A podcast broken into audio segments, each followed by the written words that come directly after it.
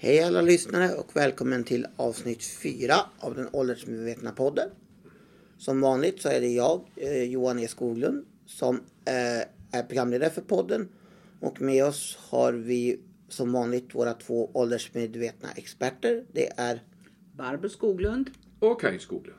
och alla kommer vi som alltid från företaget Age Management i Sverige AB. Och i sista programmet så, eller senaste delen, del tre, pratade vi ju en hel del om eh, vad ni hade gjort utomlands. Och så berättade vi att det här programmet ska handla om vad, snarare vad ni gjorde i Sverige när ni, när ni nu ville göra, ni hade ju satt upp en plan berättade ni för hur man skulle genomföra åldersmedvetna eller age management om man så vill, interventioner i praktiken. Och då ställer man sig ut frågan, hur gjorde ni dessa interventioner? interventioner? Ja, vi har eh, haft förmånen att få göra tre stora interventioner och det gjorde vi ganska tidigt, började redan 2002-2003. En i ett landsting, en i en kommun och en i en stor statlig privat verksamhet. Eh, Kommunen var Kiruna kommun, landstinget var Kronobergs läns landsting och den privatstatliga verksamheten var Vattenfall. Du menar landstinget i Kronoberg? heter. Landstinget i Kronoberg menar jag. Om det ska Tack. vara korrekt, men- Ja, precis. Eh, och vad var det vi, vi börjar egentligen med några generella slutsatser som vi har, har skrivit i en av våra böcker. Vi återkommer till dem senare i någon podd. Eh, men vi har, vi har tre så att säga huvudspår eh, när det gäller slutsatser. För vi lärde oss en hel del under de här olika interv- de här tre interventionerna. Ja, det första är ju att det spelar en avgörande betydelse vem som bär in eh, principen av ett åldersmedvetet ledarskap och hur det görs. Eh, det är oerhört centralt att organisationen till exempel är mogen eh, för det här konceptet. Och där har vi ju upplevt eh, rätt stora skillnader. Om vi ska ta det negativa exemplet först så var det så att i landstinget Kronoberg så var det ett centralt initierat projekt som inte var särskilt förankrat i verksamheten. Vi har till och med i den utvärdering som gjordes så, så var det en verksamhetschef inom landstinget som sa så här, nu citerar jag. Det måste ni förstå att ni arbetar i motvind. Ni representerar ju ett centralt projekt. I vår organisation finns en mycket skeptisk inställning till centrala initiativ. Vi förväntas delta i så många meningslösa utbildningar som arbetsgivaren anordnar. Slutcitat. Så där var det naturligtvis en väldigt tydlig uppförsbacke. Sen blev resultatet väldigt bra, men det ska vi återkomma i, eh, till i en kommande podd. Eh, det här med eh, en intervention som, som du frågade om Johan. Det är nog på sin plats att tala om, det finns vissa punkter i de här interventionerna som gör att den här uppförsbacken blev så tydlig. Punkten ett är att man måste lära känna organisationen. Och Eh, eh, då det, vi har, föreslår alltid att det är vi som gör en mycket enkel intervjustudie där man tar upp hinder och möjligheter. För du sa Kaj att en, en organisation måste vara mogen. Och det är då man tar tempen på den. Är den mogen?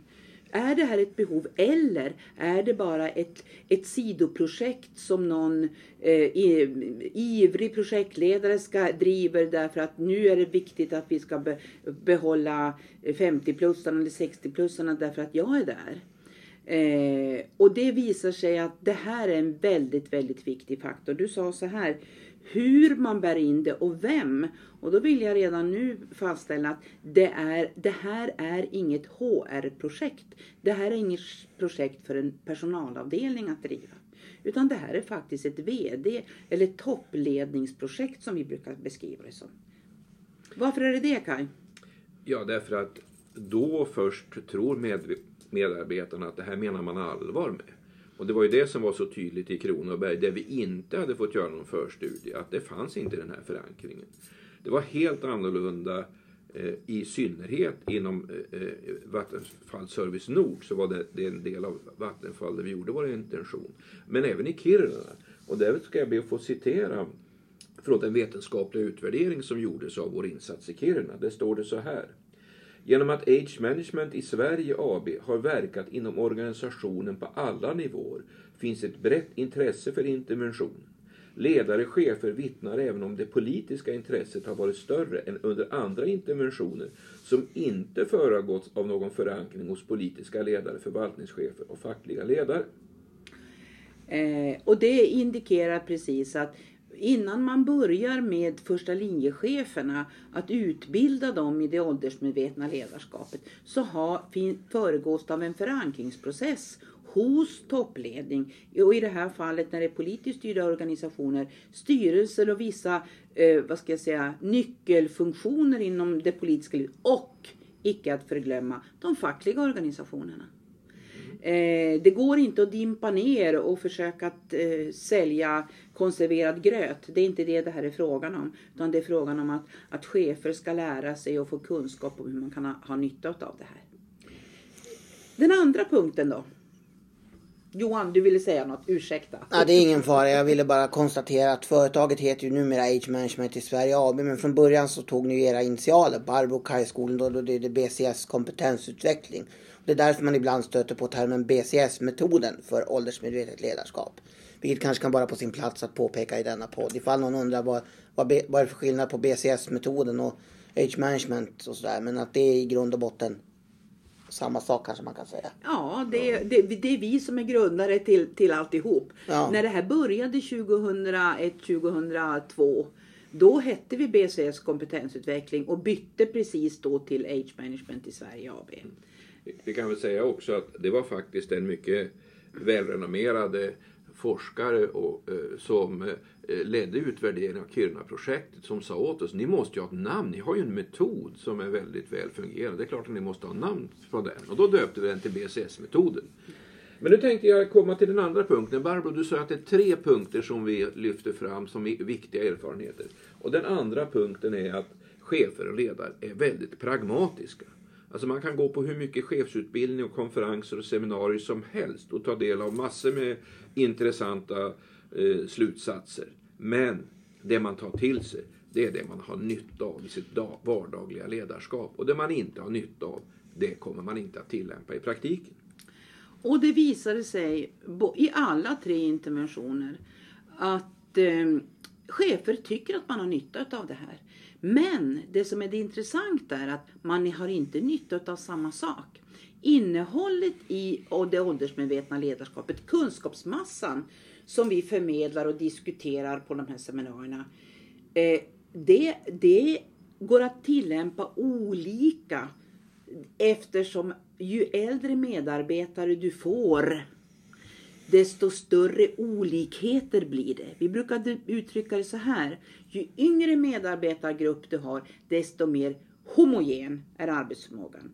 Ju äldre medarbetargrupp du har, alltså ju fler som har passerat 50-strecket, desto heterogen blir eh, arbetsförmågan. Det vill säga, du har dina absolut skickligaste, mest toppresterande medarbetare. Men du har också medarbetare som av olika anledningar inte ligger på topp i sina prestationer. Alltså arbetsförmågan spretar, som jag brukar uttrycka mig. Det är alltså väldigt olika. Så den här likheten som man vill eh, köra in på olika typer av generationer, det är en myt. Den finns inte.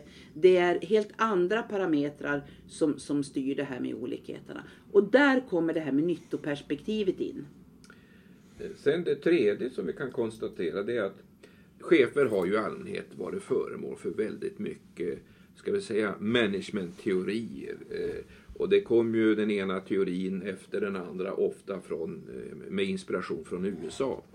Eh, och då, det finns en, en sund skeptisk inställning till, till de här teorierna. Och det vi också har märkt är att det chefer och ledare verkligen eh, är intresserade av det är ju eh, ledarskap och principer för ledarskap som bygger på reell kunskap och gedigen forskning.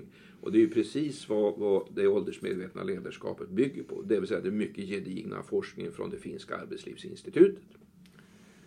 Ja, det där var till, vad ska jag säga, eh, det var det hela det var det hela ni ville prata om idag. Ja. Och vi har ju redan nämnt att, för jag menar, många kan ju säga så att ja men det är väl väldigt lätt för Barbro Skoglund och Kaj Skoglund som har uppfunnit eh, BCS-metoden för åldersmässigt ledarskap och sitta här och säga att den metoden eller modellen eller kalla vad du vill är väldigt framgångsrik. Men som vi har hört i dagens program så har, är ju inte, är inte bara ni som hävdar det utan det har skett även en hel del vetenskapliga utvärderingar. Och vi har ju bara pratat lite rätt om dem och nästa podd hade vi väl tänkt oss är väl sagt att vi ska fördjupa oss på dem. I, ja. i dem, eh, berätta lite mer om vad som är gjort och, hur, och vad det finns för evidens ja. för att det fungerar.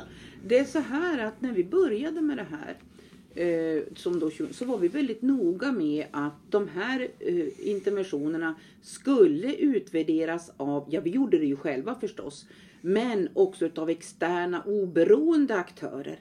För det var viktigt för oss att se, höll de här förväntningarna, teorierna på att om man, om man bjöd eh, chefer på kunskap så skulle de hitta nyttan i det. Och ni får ju rätta mig om jag har fel, men det var väl också så att ni, att ni lyckades få loss pengar från någon statlig forskningsstiftelse där det krävdes att det skulle utvärderas?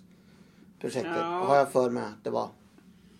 Nej, det var, det var faktiskt näringsdepartementet som hade särskilda pengar för det mm. här. Eh. Men vi lämnar det nu och så säger vi istället att vi återkommer med mer om den utvärderingen som har skett av det här eh, nästa, eh, i nästa avsnitt, det femte avsnittet av podden. Så vi säger tack för idag. Johan E Skoglund. Tack säger Kaj. Och tack säger Barbro.